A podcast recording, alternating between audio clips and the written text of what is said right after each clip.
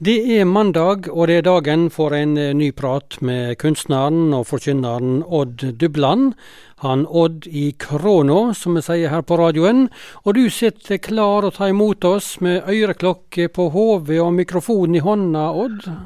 Ja, det gjør jeg, eh, gode venn eh, Inge Kallestad. Velkommen inn i stova mi. Jo, takk for det. Du bor i leilighet, du. Du bor på Ålgård i Gjesdal kommune i Rogaland. Skal vi si indre del av Jæren? Ja, den kan mest si det. Altså, jeg bor og har utsikt rett over torget her på Ålgård. Veldig sentralt. og Bor i ei blokk, og nede så er det da 30 forskjellige butikker. Så jeg har ikke lang vei til hvis jeg trenger noe der jeg skal i butikken. Du, når vi skal drøse med deg i dag, så stilte jeg et spørsmål i starten på sendinga. Trenger vi formaninger? Eh, det er som en sånn overskrift over dagens drøs med han Odd i Kråna. Og eh, Odd, eh, hvor henne skal vi nå? Hva slags formaninger tenker du på? Ja, det står en hel del formaninger i Bibelen, spesielt i Det nye testamentet, og det Paulus og Peter skriver der. Og så er det spørsmålet trenger vi de formaningene. Ja, hva er en formaning? Ja, det er en uh, tilskyndelse, ting som du skal prøve å unngå, og ting som du skal legge vind på. Og så er det de kanskje som mener det at hvis vi bare forkynner evangeliet om Jesus, og folk tror og tar imot det, så blir det en ny livsstil, og det, blir, det føler liksom automatisk med at uh, en, uh, en legger vind på det gode. Og det er mye sant i det. Eh, jeg skal bruke et eksempel på det fra Bibelen. Ja, ja ja, de fleste har kanskje hørt om en mann som het Sakkeus, som bodde i byen Jeriko. Vi, vi lærte jo i barnesangen at det var han som klatra opp i dette her morbærtreet. Ja, stemmer det. Han ja. var liten av vekst, står det skrevet. Kortvokste. Og så var han en rik mann og tollmann. Og folk hadde sett ut et dårlig rykte på han. Om det var sant, det er ikke så godt å vite, men folk de tror ofte veldig lett dårlige rykter. Og så er det at denne Sakkeus han hadde lyst til å se Jesus, eh, hvem han var. For Jesus hadde blitt en kjendis, og folk var på beina over hele Jeriko for de skulle se denne mannen fra Nasaret. Og det er de som sier at Sakkeus hadde lyst til å snakke med Jesus. Det tror jeg ikke han drømte om engang. Det tror jeg ikke.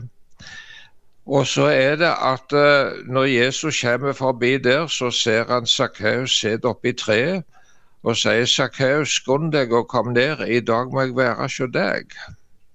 Og folk i Jeriko de ble sjokkerte. Tenk, han går inn til han, altså til en syndig mann. Og Det står skrevet der at han skunte seg ned og tok imot Jesus med glede. Og så skjedde det noe med denne tollmannen Sakkeus. Han ja. sier det at halvparten av mitt gods gir jeg de fattige.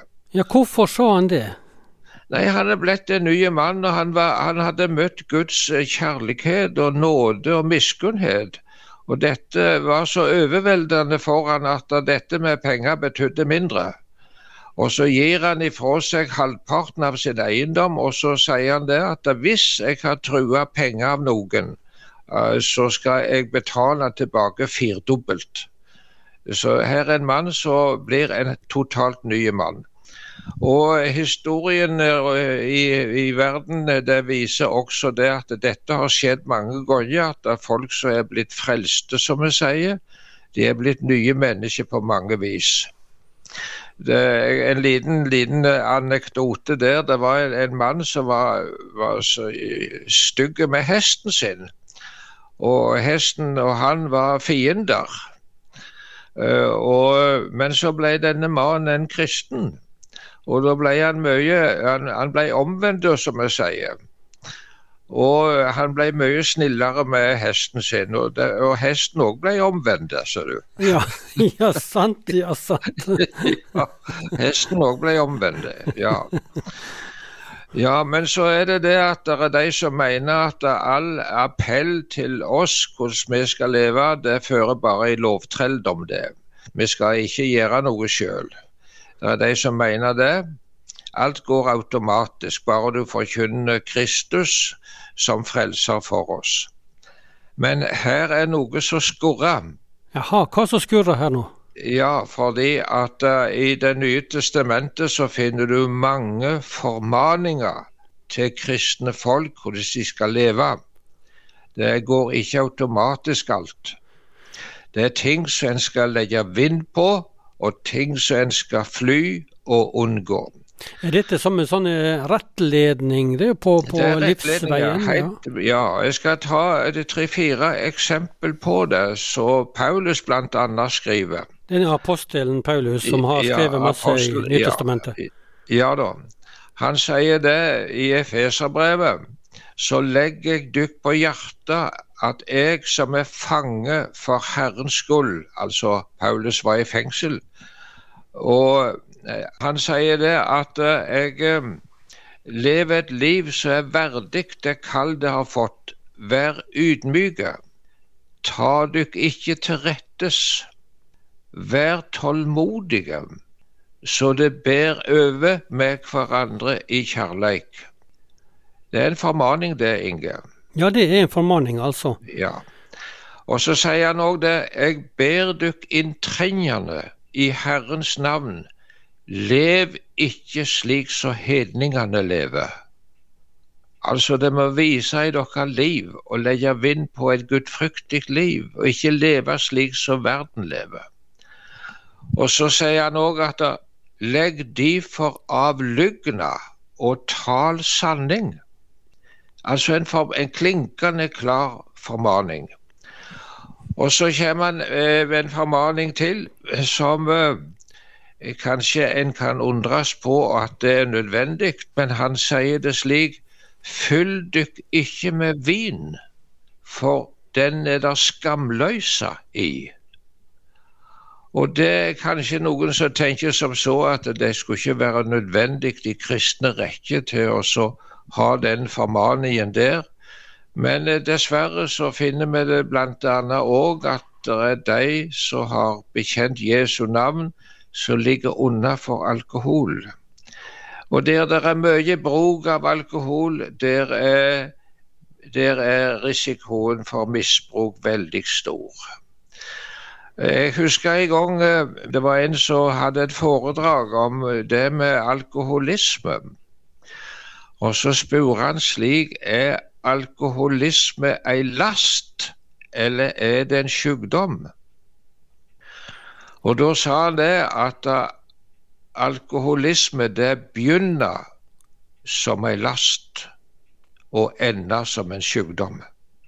Aha. Og så, så, sier apostelen fyll dere ikke med vin så dere er skamløse i. Ja. Og så en formaning til. Jaha, hva tenker du på da? Ja, Der sier han det slik Vær ikke harde, hissige og sinte Hold opp med skrål og spott og all slags vondskap. Vær gode mot hverandre og vis medkjensle, så det tilgiv hverandre liksom Gud har tilgitt dykk i Kristus. Altså, det var det at de skulle ikke være harde. Og det er en ting som kanskje en del folk trenger en formaning på, og det gjør kanskje jeg òg at en ikke er hard og hjerteløs og tankeløs. Det er så lett føre å bli ja, det. Ja. ja. Men vær ikke harde og hissige og sinte, sier Paulus. Og en formaning til fra Bibelen så jeg skal si litt ekstra fint om. Ja, hva tenker du på da? Der står 'glem ikke å være gjestfrie'. Hva ligger det i det? Jo, altså du skal ha åpen dør for folk som trenger de hjelp og vil være sammen med deg, og du kan be inn så de du vil, har nær sagt. Uh, så sier Paulus det, ja, for på den måten har noen hatt engler på besøk uten de visste det. Du verden, det er ganske eh, sterkt sagt. Ja, og så skal jeg ta et eksempel på noe som skjedde i min egen heim for mange, mange år siden. Det var den tid når kona mi levde. Så var det seint en augustkveld i tolvtida, og det var mørkt. Og jeg var ikke hjemme, jeg var ute på reis. Kona mi, Haldis, hun var hjemme alene. I tolvtida så ringer det på døra. Og hva gjør ei kvinne som er hjemme alene da ringer på døra i tolvtida? Dette var ute på landsbygda. Og dette var altså tolv midnatt? Midnatt, ja. ja. Men hun lukket opp, og ut forbi så sto det tre tyskere som var ute på som turister. Og de spurte om hun visste noen plass det var råd til å finne overnatting. Hun eller noe slikt noe. For det var, det var et forferdelig vær. Det regna og bles. Nei, noe hotell i Dirdal var det ikke akkurat da.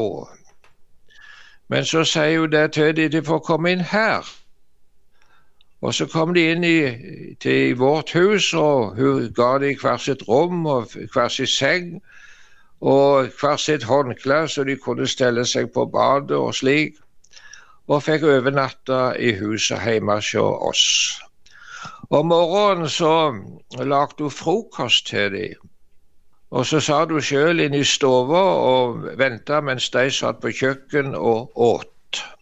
Så gikk hun ut for å se om de hadde alt det de trong, og da fikk hun seg en livsoverraskelse. Jaha, hva skjedde da? Disse tre tyskerne satt og leste i Bibelen og ba til Gud sammen. Og den ene av dem, han sier det til henne, er du en kristen? Ja, jeg er det, sa hun. Ja, vi forsto det på den måten du tok imot oss.